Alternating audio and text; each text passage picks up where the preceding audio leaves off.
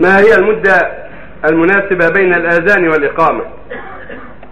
ليس فيها حد محدود بين الآذان والإقامة ولكن يتحرى الإمام.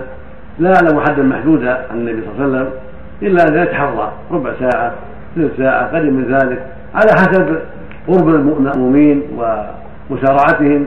فإذا كانوا يسارعون إلى الصلاة ويجتمعون بكر.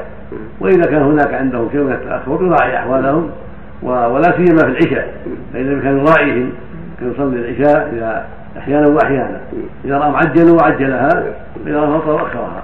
أما الظهر والعصر والمغرب والفجر فهذه ينبغي للمرء يراعي فيها حالهم ولا يتأخر كثيرا بل يكون يعني متحرر الصلاة في أول وقتها لكن من غير عجلة. إلا المغرب فإن أولى تعجيلها بعد الأذان بقليل. كان النبي يعجلها بعد الأذان بقليل وكان الصحابة يصلون بعد الأذان ركعتين ثم يأتي النبي ويقيم عليه الصلاة والسلام.